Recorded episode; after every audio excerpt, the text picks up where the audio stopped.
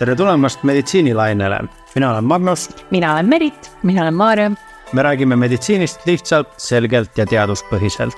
kutsume külla arste, kellelt küsime küsimusi, millele me sooviksime vastuseid, kuid tihtipeale ei julge küsida.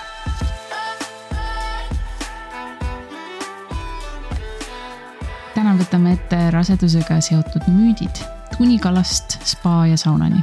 head kuulamist. tere, Ann. tere. tere minu poolt ka Ann, sa oled sünnitusabi ja günekoloogia arst resident. just nii. teeme kohe nüüd ühe asja selgeks, kas gümnakoloog on sama, mis naistearst ja kas naistearst saab olla ämmaemand või need on kuidagi eraldi asjad? ja see on väga hea küsimus ja tihtipeale tekib äh, seda segadust seal. Äh, naistearst on sama, mis gümnakoloog. aga ämmaemand on tegelikult erinev asi, naistearst on ikkagi arst, kes on õppinud meditsiini ülikoolis Äh, ja seejärel siis äh, läbinud residentuuri. ämmaemandus on äh, tegelikult eraldi eriala ja noh, tervishoiu kõrgkoolides õpitakse ämmaemandaks. et nende põhiõpe peaks olema viis aastat minu teada. ja nemad saavad siis kohe ämmaemandana tööle hakata. super tead, kui me mm, ütlesime välja, et me hakkame rääkima rasedusega seotud müütidest, siis meie kirjakast mm, tulvas üle erinevatest huvitavatest uskumustest. ja me mõtlesimegi, et, et kogume need kõik kokku ja küsimegi sult need ükshaaval kõik üle, kas mm -hmm. siis on nii või ei ole. ehk et meil on siin, ma isegi ei tea, aga terve hunnik erinevaid küsimusi. nii et äh, saad siis jagada, et kas võib seda kirsikompotti süüa või siis pigem ei või. aga ma alustan siis esimesega, rasedus kestab täpselt üheksa kuud. ja äh, tehniliselt äh, võttes tegelikult rasedus kestab kümme kuud. Äh, naistearstid ja ämmemandad räägivad ka nädalates, mitte isegi kuudes. meie jaoks äh, on tihtipeale, kui keegi tuleb, ütleb, et ma olen viis kuud rase, siis natukese peab mõtlema, et oot, mitu nädalat siis. noh, tavaliselt naised ikkagi teavad seda oma äppide ja muu asjade järgi ka. aga jah, et nelikümmend nädalat on selline keskmine ja täiskantud rasedus ongi siis kolmkümmend seitse pluss null nädalat mm. kuni nelikümmend üks pluss kuus et meie jaoks tõesti on see väga detailne just see, et, et mitu, et kas kakskümmend kaks pluss neli ja nii edasi mm. -hmm. minu lemmikküsimus, kas raseduse ajal peaks sööma kahe eest? ei pea äh,. raseduse ajal noh, tõesti on tore müüt, et peab ka sööma kahe eest, tegelikult ei pea äh,. keskeltläbi on umbes sihuke kaloraaž, mis juurde oleks tarvis, on kolmsada kilokalorit, mis iseenesest nagu ei ole palju ja seal raseduse kolmandal trimestril on see umbes noh, viissada kilokalorit. et kahe eest kindlasti ei peaks sööma. Mm, kuidas on raseduse ajal treenimisega? ja äh, treenida võib äh, eriti need, kes varem on trenni teinud, ei pea katkestama oma treeninguid, selles osas võib vabalt treenida. mida tuleks teha, on see, et tuleks kuulata iseennast ja enda keha selles mm -hmm. osas, et ikkagi üle mitte liigselt pingutada ja, ja teine punkt on see, et varem naised, kes ei ole noh, treeningutega tegelenud, jõusaalis käinud, mingeid raskeid intensiivtreeninguid teinud, siis seda ei tasu alustada raseduse ajal, et eh, pigem tasa ja targu. Hommikune iiveldus, kas esineb ainult hommikul või see on mingi asi, mis saadab mind eh, terve päev? Eh, ja see võib olla nii ja naa, statistiliselt sagedamini on seda tõesti hommikuti aga mõnel naisel esineb seda ka terve päeva või näiteks õhtuti. Äh, klassikaliselt rasedust esineb kuskil kuuendast rasedusnädalast äh, kuni kuueteistkümnendani. mõnedel vähem, mõnedel rohkem, on ka naisi, kellel terve raseduse aja iiveldab. et äh, take it or leave it mm. -hmm. ma korra küsin, miks see iiveldus tekib? sellepärast tõenäoliselt ütleme, seal ei ole konkreetset põhjust tegelikult nagu tuvastatud, aga ilmselt on ta tingitud hormonaalsetest muutustest. Äh, kuna raseduse alguses siis tekib tõesti naissuguhormoonide ja ka rasedushormoonide selline intensiivne tõus, millega keha põhimõtteliselt nagu aeg-ajalt ikkagi harjub. ja üks hüpotees on ka veel see, et, et noh, raseduse alguses on kalduvus äh, sellele, et veresuhkur on pigem madalamapoolne ja samamoodi see võib pisut seda mõjutada nii, kui me lähme nüüd siit veel edasi, siis üks müüt väga levinud on ka see, et suur kõht, suur beebi. Äh, ja see on nii ja naa, iseenesest tõesti suur kõht võib viidata sellele, et laps on natukese suurem. aga mitte ilmtingimata, et hästi palju sõltubki üldiselt naisest endast, et kuidas see kõht välja põlub. ka sellest, kuidas see beebi seal on, noh, kuidas ta asetseb seal mm -hmm.. noh, näiteks kaksikraseduste puhul on teada, et kõht on suurem, aga tavaliselt kaksikud, kes sünnivad, on just väiksemad kui üksik mm -hmm. Lapsed. ja, ja tõesti kasutatakse raseduse jälgimisel äh, mõõtmist, tavaliselt mõõdetakse siis sümfüüsist äh, ehk siis noh, põhimõtteliselt kubemeluust kuni emaka põhjani mis siis emakapõhi on pea poole nii-öelda, et kuhuni see emakas ulatub. ja ämmaemandad äh, rasedate visiitidel mõõdavad siis äh, mõõdulindiga, et mitu sentimeetrit see on ja noh, tavaliselt on see, vastab rasedusnädalatele. pluss-miinus kaks sentimeetrit mm. -hmm. aga see on selles suhtes ka üks oluline indikaator, mille järgi natukese vaadatakse aga kindlamalt ütleb meile ikkagi ultraheli, kui suure lapsega on tegemist ja kui on mingeid normist kõrvalekaldeid, siis tõesti Äh, pigem saadetakse ultrahelisse, et, äh, et vaadata, et ega laps ei ole liiga väike ega liiga suur. nii, müüt number järgmine. raseduse ajal tuleks vältida kõiki ravimeid. Äh, ei, ütleme niimoodi, et raseduse ajal on inimesi, kes on krooniliselt haiged, kes mm -hmm. peavadki oma ravimeid võtma mm, noh, näiteks nemad küll peavad läbi rääkima oma siis raviarstiga ja tegelikult ka naistearsti või ämmaemandaga, et kas see on okei okay osade ravimitega on ka see, et enne raseduse planeerimist tasub läbi arutada, et võib-olla siis valida mingi ohutum preparaat. Äh, ja, ja noh, iseenesest tõesti, ütleme niimoodi, et kui mõned korrad mingit ravimit võtta, tavaliselt see ei oma mingeid suuri katastroofseid äh, efekte siis äh, lootele. ja, ja ikkagi, kui pea valutab, noh siis näiteks valuravi esmavalikuks rasedatel on paratsetamool. teatud juhtudel võib ka ibuprofeeni võtta Äh, ja, ja noh, üldiselt tõesti, need on siuksed asjad, mis tasuks oma arsti või ämmaemandaga läbi rääkida. sest et äh, kui vaadata tegelikult pakendi infolehte, siis laias laastus iga selle peal on kirjas, et raseduse imetamise ajal mitte kasutada, puudub info küsida arstilt või apteekrilt.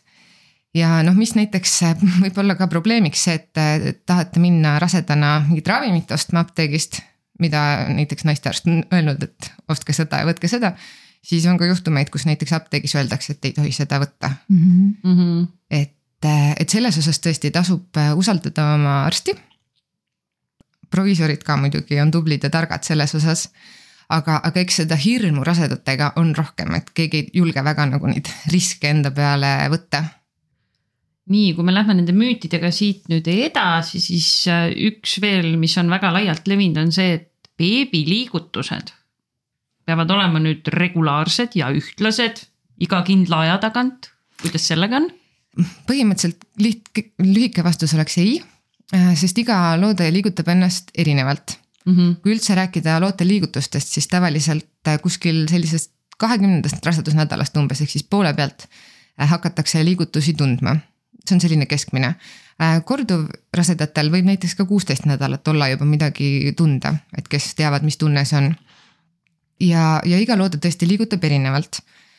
Äh, ja siinkohal ongi see, et ema kasvab koos oma lootega, et äh, ja õpib tundma loote liigutusi, sest et äh, enamasti tõesti seal kakskümmend kuni kakskümmend kaheksa rasedusnädalat, et noh, neid riske on pisut vähem, et ütleme raseduse puhul ka kõige oht, ohtlikumad perioodid ongi esimene trimester ja kolmas trimester, kus on, juhtub kõige rohkem katastroofe. aga igatahes tegelikult tõesti, et rasedad õpivadki siis tundma oma loote liigutusi Mm -hmm. ja noh, loodetel on ka, et tekivad teatud unerütmid, näiteks et nad võivad kakskümmend kuni nelikümmend minutit ollagi rahulikumad, siis aktiivsemad. mõni loode on aktiivsem hommikupoole, mõni õhtul, mõni öösel. Ja kui ikkagi naisel tekib kahtlus, et, et midagi on nagu valesti või teistmoodi, et siis alati tasub oma ämmaemandaga ühendust võtta või siis minna naistekliinikusse valvetuppa, et, et teha siis äh, loote südametoonide kuulatlus ja vajadusel siis veel, kui midagi on, et ultraheli näiteks mm. -hmm. nii et äh, ei, ei tasu muretseda, et äh,, et nii-öelda pöördun liiga vara või sellise kohe, kui mingi mure on, siis igal juhul minna näitama ja kontrollima pigem minna näitama tõesti sellisel juhul, sest ikkagi see enda sisetunne on ka nagu tähtis. eks ikka vahest on ka raseduse ajal ju ärevust ja muud sellist.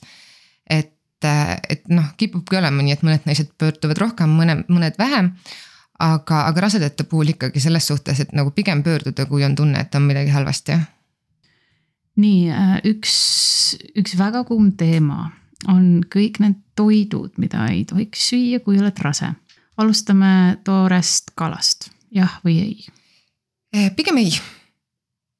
ja, ja miks, on sellepärast, et, et äh, üldse noh, tegelikult ma võin rääkida nii-öelda laialt, kõik toores liha, toores kala, toores muna, sellised loomsed produktid äh, võivad sisaldada endas haigustekitajaid nagu listeeria ja salmonella mis võivad põhjustada siis ka nii emale kui ka lootele probleeme mm. -hmm.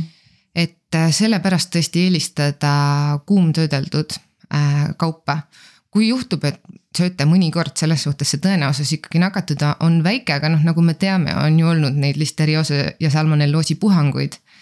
kindlam oleks vältida, aga noh, ei saa nagu hull, hulluda ka sellepärast, et äh, et äh, kui restoranis tahate ikkagi väga midagi süüa, siis, äh, siis võib, aga lihtsalt tuleb natukese riskidega arvestada, et kui mm -hmm. tahad olla täiesti kindel, siis pigem tõesti kuumtöödeldud tooted. nii, e-, ehk siis ka vedelmuna on no-no. just.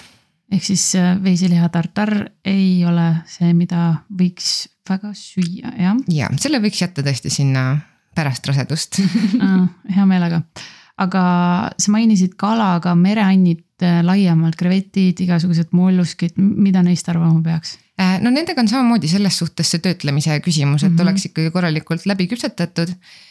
Näiteks tuunikala, eks ju mm, selle kohta liigub ka, et noh, et mitte liiga palju tuunikala süüa raseduse jooksul. et noh, tõesti tuunikala võib sisaldada elavhõbedat, mis võib tekitada lootnärvisüsteemi arenguprobleeme mm. -hmm aga selle elavhõbedaga on ka see, et ikkagi, et seda ohtlikku doosi kätte saada, peab sööma päris palju. et noh, põhimõtteliselt kui suudad alla kahe tuunikala steigi nädalas süüa või alla kolme konservi nädalas, siis noh, see on okei okay okei okay., ehk et tööstus, tööstuslikes kogustes äh, pigem hoida ennast kõrvale. just, et sihuke mõõdukus on alati mm -hmm. hea hea võti asjadele raseduse puhul. okei okay,, üks, üks ähm, toidukategooria on veel hallitusjuustud, nii valge hallitusjuust kui sinihallitusjuust ja äh, piimatoodetega on see, et võiks eelistada noh, samamoodi kuumtöödeldud mm -hmm. ehk siis pastöriseeritud piimast valmistatud äh, juustusi mm. -hmm. Ehk siis äh, see sõltub ka tõesti juustutüübist, et, et need hallitusjuustud äh, peaksid olema valmistatud mitte pastöriseeritud piimast, aga, aga tegelikult on see, et kui ikkagi nagu sõrmega jälge ajada, ajada seal äh, pakendi infolehel, et siis, äh, siis tavaliselt seal on kirjas see, et kas on pastöriseeritud piim või mitte. kuidas äh, kohviga on? ja kohviga on niimoodi, et tegelikult võib kohvi tarbida küll raseduse ajal. Suurtes kogustes kohvi joomine võib põhjustada raseduse katkemist, aga, aga noh, need suured kogused on tegelikult üle kaheksa tassi päevas ja rohkem mm. -hmm. et noh, ütleme niimoodi, et see pigem on ikkagi sihuke ebatavaliselt suur äh, kogus. Äh, näiteks kolm tassi päevas on täiesti okei okay.. Äh, üks mu lemmik, just mida minu ähm, siis naissugulased mulle ka ütlesid, et ära mingil juhul käsi üle pea tõsta. kui on vaja ikkagi pesu panna nööri peale kuivama, siis tuleb keegi teine ja paneb. ja see on sihuke nii-öelda vananaiste müüt Mm -hmm. et äh, kuna siis arvati seda, et kui naine tõstab raseduse ajal käsi üles, et siis kas nabanöör keerdub ümber lootekaela või tekib nabanööri sõlm. Tegelikult nii ei ole, et äh, selliseid asju tõesti juhtub, et nabanöör keerdub üle kaela või tekib sõlm, aga, aga need pigem tekivad äh, nii-öelda spontaanselt. et ei ole need kuidagi ema tegevustest siis põhjustatud. nii järgmine müüt, mis siin on, on seks võib põhjustada raseduse katkemist ütleme nii, et normaalselt kulgeva raseduse puhul äh, ei ole seal mingit probleemi. Jah, naistearstid võivad öelda mingitel puhkudel, et pigem mitte olla vahekorras teatud aja. noh, näiteks kui on mingi veritsus tupest või kui looteveed on enneaegselt puhkenud. Äh, et siis pigem vältida, aga ütleme nii, normaalse raseduse korral ei ole seda ohtu ega, ega muret, et midagi mm -hmm. juhtub aga rasedus ja tatlid. Üks müüt on selline, et tatlites söömine aitab sünnitust esile kutsuda ja üks asi, mida ka võib-olla sotsiaalmeedias on rohkem näha, on nii-öelda need ähm, siis ämmaemanda smuutid, kuhu pannakse nii mustikaid ja öeldakse, et pange tatlid ka, et siis siis äh, jõuate, jõuate kiiremini selleni, et, et hakkaks see sünni, sünnitamistegevus pihta ja see tatlite teema on iseenesest lahe, on tehtud erinevaid uuringuid ka, et kuidas tatlid siis mõjuvad, aga noh, ütleme nii, et need uuringud on sellise varieeruva kvaliteediga. mitte väga hea kvaliteedi ja tõenduspõhisusega üldiselt. Äh, mis tatlite kohta öeldakse, on see, et nad tegelikult ei kutsu sünnitust esile, aga nad võivad aidata emakakaelal küpseda, et emakakaal oleks siis paremini sünnitusvalmis. ja mingid uuringud on näiteks näidanud seda, et et, et oksüdotsiini sellise sünnitushormooni vabanemine, mis muidu siis sünnituse ajal äh, toimub.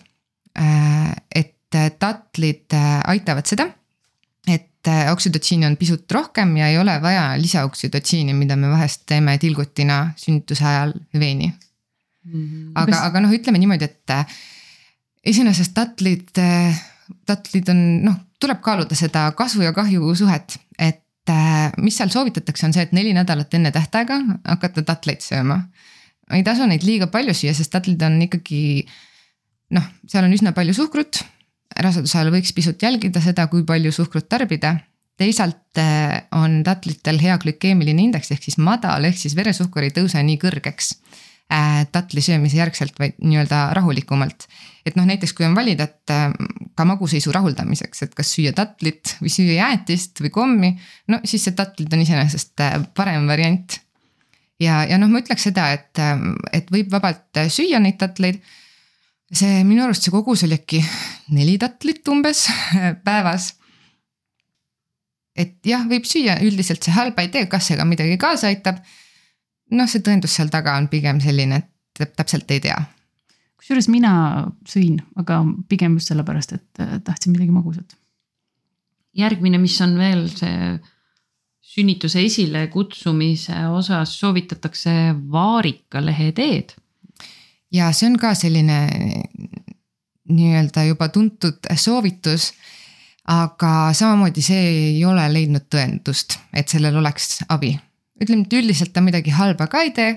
nii et, et, et võib kasutada, ei saa kategooriliselt keelata.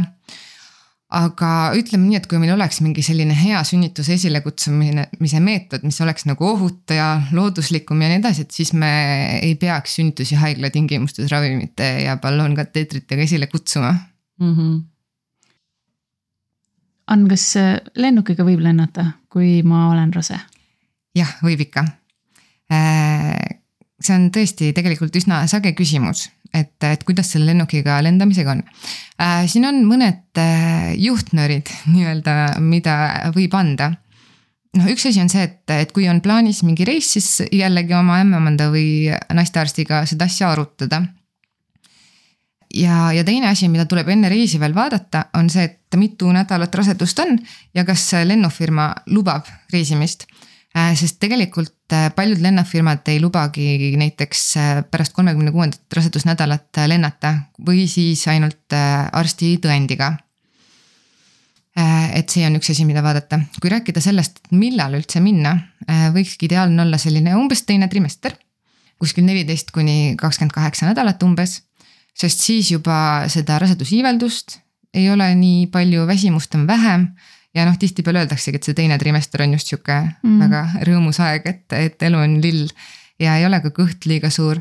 pluss nagu enne mainitud sai, et siis esimene ja kolmas trimester on nagu raseduse seisukohast kõige ohtlikumad tavaliselt. ja nendest ohtudest rääkides samamoodi tuleks teha reisikindlustus ja vaadata seda, et reisikindlustus kataks äh, rasedusega seotud asju ja, ja samamoodi, et siis natukese tuleb näpuga järge ajada, et et, et mis rasedusnädalatest siis äh, seal ka reisikindlustuses jutt käib.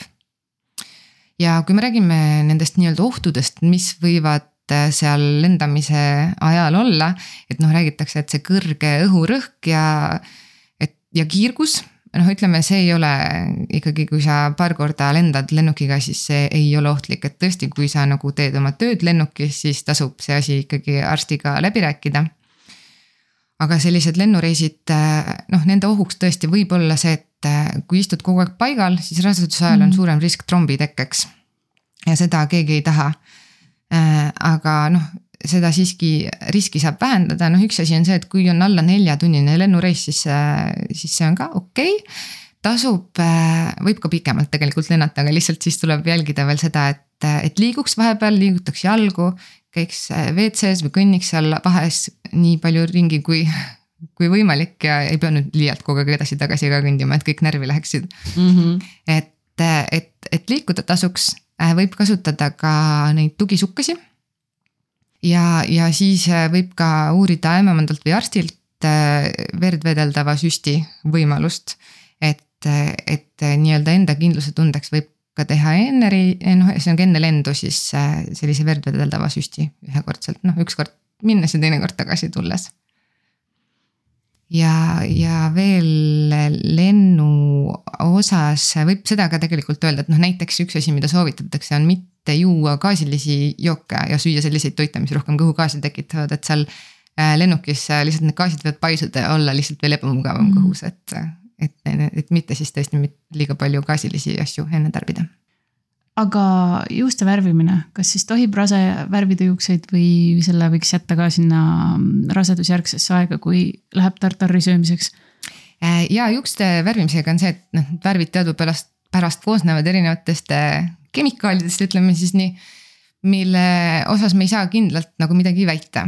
Äh, üks asi, noh, tuleb nii-öelda sihukese talupoja mõistusega ka mõelda, et noh, et tegelikult, et kui palju tegelikult läbi selle terve peanaha neid äh, toksiine ikkagi imendub. noh, mitte väga palju, kui üldse. Äh, ja, ja liialt ei tasu muretseda, noh, ütleme nüüd, mis seisukoht on, on see, et esimene trimester, mis on siis raseduse all selles osas oluline, kuna toimub nii-öelda loote kõige tähtsam areng, et kõik need elundid ja muud kujunevad alles välja. et siis esimesel trimestril võimalik, võimalusel vältida juukse värvimist aga et, et jah, jätta siis teise-kolmandasse trimestrisse, trimestrisse see juuste värvimine. et olla nii-öelda kindlam, aga midagi küll nagu tõestatud ei ole, et oleks see hirmsalt ohtlik. nüüd me hüppame täiesti teise teemasse, aga raseduse ajal tuleks kassidest eemale hoida.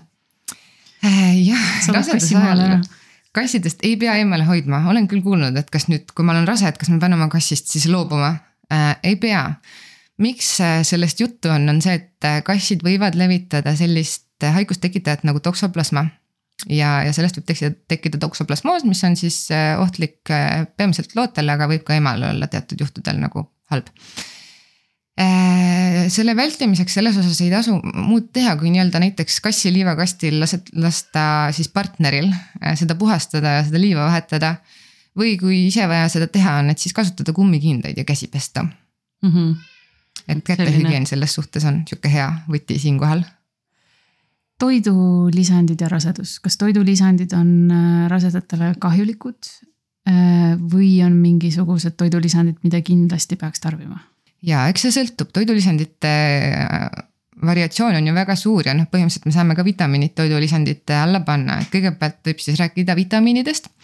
raseduse ajal näiteks ongi soovitatav foolhapet tarbida lisaks ja nendele näiteks, kes ka planeerivad rasedust juba siis hakata foolhapet võtma. Äh, siis üks oluline vitamiin on veel ka D-vitamiin, mida Eesti kliimavöötmesse tasuks äh, niikuinii võtta kõigil mm, -hmm. kõikidel R-tähega kuudel. R-tähega kuudel või? R-tähega ja, ehk siis septembrist aprillini. okei okay.. mai, juuni, juuli, august kus on R sees siis. just, et äh, mai, juuni, juuli, august siis põhimõtteliselt ei pea kuna noh, siis on meil lihtsalt rohkem päikest mm, -hmm. aga, aga tõesti, et äh, D-vitamiini võiks ka võtta. Äh, kui rääkida nendest äh, vitamiinidest, siis tõesti vitamiin A on selline, mida ei tasu üleliia raseduse ajal tarbida et kaheksasada mikrogrammi on see, mida võiks nagu tarbida. aga kas see on, kas see on ka selline vitamiin, mida ma tegelikult saan oma igapäevatoidust kätte, kui ma söön tasakaalustatult täiesti tavalist sellist tavapärast kodust toitu. ja just mm. -hmm. et äh, no üldse vitamiinide kohta tegelikult on olemas päris palju toredaid raseda vitamiine. mida inimesed võivad võtta, aga see tõesti ei ole kohustus. et, et meie rasedate jälgimise juhendis on ka see, et foolhapet võiks võtta, teised vitamiinid äh, võivad tegelikult omada ka head mõju, et kui on see võimalus äh, neid multivitamiine, raseda vitamiine tarbida, siis nad halba ei tee mm. -hmm aga et kui mul on mitmekülgne toidulaud, ma hoolitsen selle eest niimoodi teadlikult täitsa ise, et siis sellest ka piisab ilmselt. ja just, piisab. nii, kui me lähme nüüd siin järgmise müüdiga edasi. rasedana ei tohi selili magada.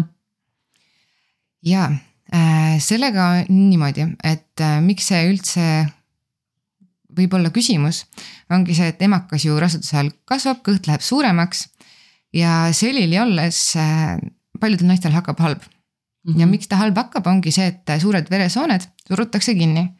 peamiselt siis äh, meie suur õõnesveen.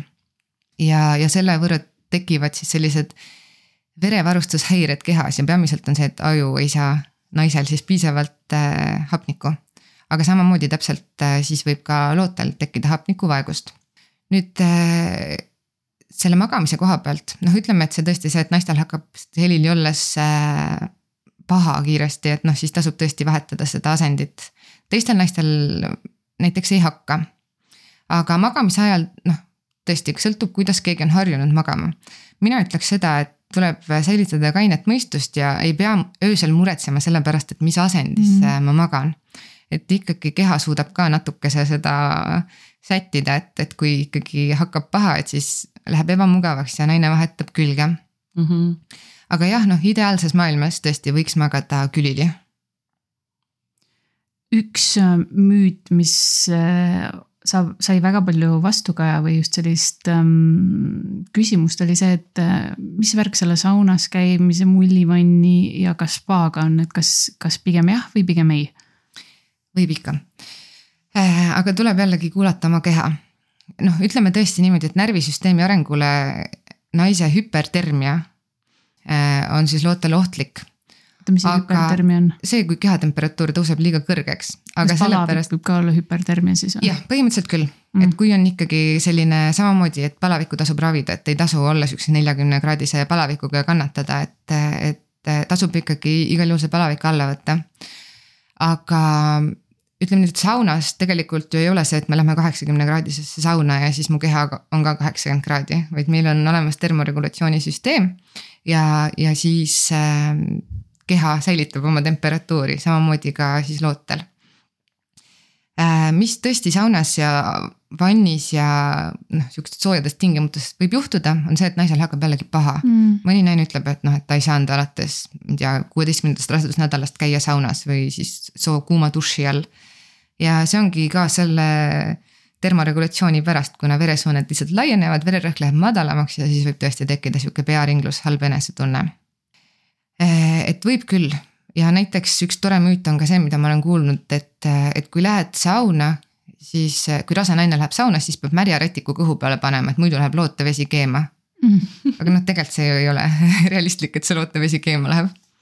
et, et ei pea muretsema, aga tõesti kuulata oma keha kui hakkab paha, siis äh, tasub välja minna ja jahutada ennast. aga kas, kas see, et käia nii-öelda selles üldkasutatavas basseinis, et, et ma jagan samade inimestega, olen samas vees, et kas, kas sellel on mingi mõju või? ütleme nii, et üldiselt äh, mitte, selles osas, et äh, kui me räägime näiteks basseinidest, siis need veed on niikuinii nii kloreeritud, et seal selliseid ohtlikke haigustekitajaid liigub vähem. ja, ja ei ole seal tõesti suuremat riski saada mingisugust nakkust endale või ei pea muretsema üldiselt selle pärast, et ma ei tea, tupest läheb sisse mõni paha bakter ja jõuab emakasse, et, et seda ei ole küll tõestatud, et, et nii oleks mm. -hmm. kuidas äh, suguhaigustega on, kas need mõjutavad rasedust, ei? ja suguhaigused äh, mõjutavad rasedust, üks osa on juba see, et kui noh, suguhaiguseid on hästi palju, eks ju mm. -hmm. et äh, kui on suguhaigus enne rasedust läbi põetud, näiteks klamüüdia, mis on noh, võrdlemisi sage infektsioon. Võib-olla täiesti sümptomiteta. Äh, ja võib põhjustada siis naistel väikevaagna põletikku, mille tagajärjel võivad tekkida noh, liited munajuhadesse Äh, ja võib juhtuda see, et näiteks naine ei saagi rasestuda, kuna lihtsalt munarakud, mis tulevad munasarjadest, ei jõua emakasse, ei jõua sinna õigesse kohta, kus nad kinnituma peaksid, kui nad viljastuvad. et üks aspekt on see, teine asi on ka see, et klamüüdia raseduse ajal ei ole ideaalne ja sellepärast äh, rasedusele arvele, arvele minnes võetaksegi palju erinevaid analüüse, sealhulgas suguhaiguste analüüse et määrata kindlaks, et, et ei ole tegemist mingi aktiivse nakkusega või et kas on midagi nii-öelda läbi põetud. ja nii edasi ja, ja noh, samamoodi näiteks herpesviirusega. noh, sellega on sihuke paha lugu, et seda ei saa nii-öelda välja ravida, vaid ta jääb püsima meie kehasse. Ja, ja kui see herpesviirus raseduse ajal aktiveerub, siis see võib mõjutada ka seda sünnitusviisi valikut. näiteks teatud ajal, kui see ikkagi tekib, see genitaalherpes, siis, siis võib juhtuda, et ei saagi vaginaalselt sünnitada, vaid tuleb sünnitada keisrilõikega mm. -hmm. Aga imetamise ajal kas on võimalik jääda uuesti rasedaks või ei ole? ikka on äh,. Imetamisega on tõesti sihuke tore lugu, et me tegelikult ei tea, millal see ovulatsioon ehk siis millal munarakk valmib äh, pärast sünnitust mm. -hmm. et on näidatud, et äh, need, kes ei imeta äh, rinnaga regulaarselt, nendel juba võib äh, kahekümne viiendal päeval pärast sünnitust esimene ovulatsioon tekkida ja põhimõtteliselt samamoodi on ka nendega, kes siis imetavad, aga näiteks laps saab ka lisatoitu Äh, on tõesti sihuke asi nagu laktatsiooniline amenorrea. Mis tähendab seda, et siis imetavatel naistel ei ole menstruatsiooni mm. -hmm. ja kui see menstruatsioon tõesti puudub, kui naine imetab regulaarselt, ehk siis see vahe ei ole pikem kui umbes neli tundi. Äh, kui sünnitusest on möödas vähem kui kuus kuud, äh, siis tõesti on see rasestumise tõenäosus üsna väike ütleme nüüd üheksakümmend kaheksa protsenti on tõenäosus, et sa siis ei jää rasedaks. aga alati on see kaks protsenti. Mhm. Et selles osas äh, tõesti tasub olla valvel ja, ja kui on tõesti see, et kas siis tekib esimene menstruatsioon, see tõstab oluliselt rasestumise riski. või kui imetamisega tõesti laps saab vahele lisatoitu ei ole sellist regulaarset imetamist, see tõstab seda rasestumise riski. et, et pigem tasub olla tõesti ettevaatlik, kui ei planeeri kuidas äh, on selle istumisega, et kui ma olen rase ja istun nüüd jalg üle põlve. Kas see on lubatud? iseenesest äh, see on lubatud, äh, eks naistel raseduse ajal võib lihtsalt olla ebamugavam, esiteks see jalg üle põlve istumine, et kui ju kõht on piisavalt suur mm, siis lihtsalt. väga ei ulatu. on raske natukese et alguses ei pea muretsema, noh, mis seal veel selle jalg üle põlve istumisega potentsiaalselt võib olla see, et kui väga pikalt istud, et siis veenilaiendid süvenevad mm. -hmm. või siis, et see verevarustus seal jalas võib saada häiritud ja võib olla suurem oht trombi tekkeks jalas. Aga, aga ikkagi selles suhtes, et ei ole midagi, kui vahepeal see jalg üle põlve satub. et niikuinii raseduse ajal võib olla istumine ebamugav niigi, et mis paneb naisi rohkem liikuma aga rasedana raskete asjade tõstmine, et siin üks küsimus, mis meile saadeti, ütleski, et, et mul on selline näide, et esimene lap-, et ma olen rase, aga esimene laps kaalub tänaseks kuusteist kilo. Kas see, kui ma teda nagu seitsmendat kuud rasedana tõstan ja hüpitan, on hea mõte või, või pigem mitte? see sõltub sellest, et kas rasedus on normipäraselt kulgenud, kas on mingit riski enneaegseks sünnituseks mm. -hmm või mingit muud probleemi. noh, iseenesest raskuste tõstmine, kui sa oled harjunud selle raskuse tõstmisega, siis võid edasi tõsta. noh, tõesti tasub jälgida seda, kuidas tõsta, et noh, rasedana pigem tõsta siis nii, et kükitad põlvedest ja tõstad nii-öelda jalgadega, mitte ei kummardu ette ja siis ei tõsta, et, et see jalgade, põlvede kõverdamine on pisut nagu parem versioon. ja, ja on tegelikult ka juhend Ameerika Meditsiini Assotsiatsioonil, mis äh, ütleb seda, et äh, noh, see on küll juhend nendele, kes teevadki siis rasket tõstmist ja on rasedad, et noh, nende puhul tõesti on see, et, et kolmandas trimestris võib tõsta kuni umbes mingi kakskümmend kolm kilo, see on okei okay, mm, -hmm. turvaline. ja, ja nädal enne tähtaega siis nagu ei tasu üle neljateist kiloseid asju tõsta. aga, aga noh, muidugi Äh, kõik sõltub ka sellest, et kui varem on öeldud naisele, et mingil põhjusel, et ärge raskusi tõstke, siis ärge tõstke. lapsega samamoodi ma saan aru, et võib olla raske, kui sa ei saa oma last sülle võtta, kes karjub, nutab, mis iganes.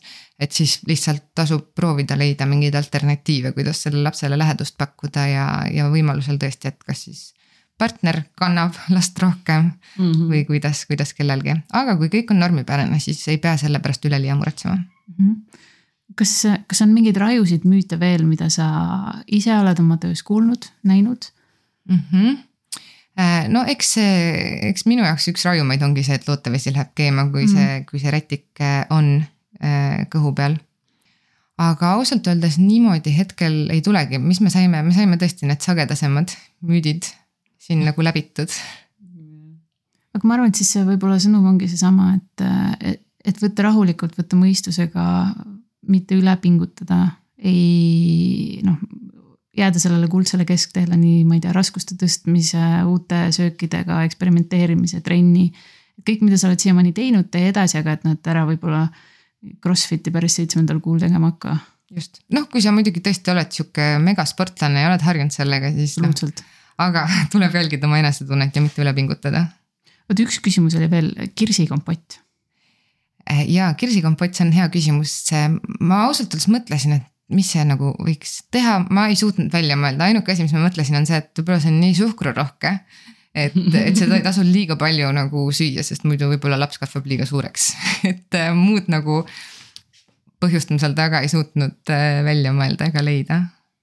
okei okay., no minu süda on rahul Äh, aga suur aitäh sulle, Ann ja siis äh, tõesti võtke mõnusalt ja mõistusega. aitäh teile. Aitäh, et oled meiega meditsiinilainel, leiad meid ka Instagramist ning postkasti ootame küsimusi ja tagasisidet. kohtumiseni järgmisel lainel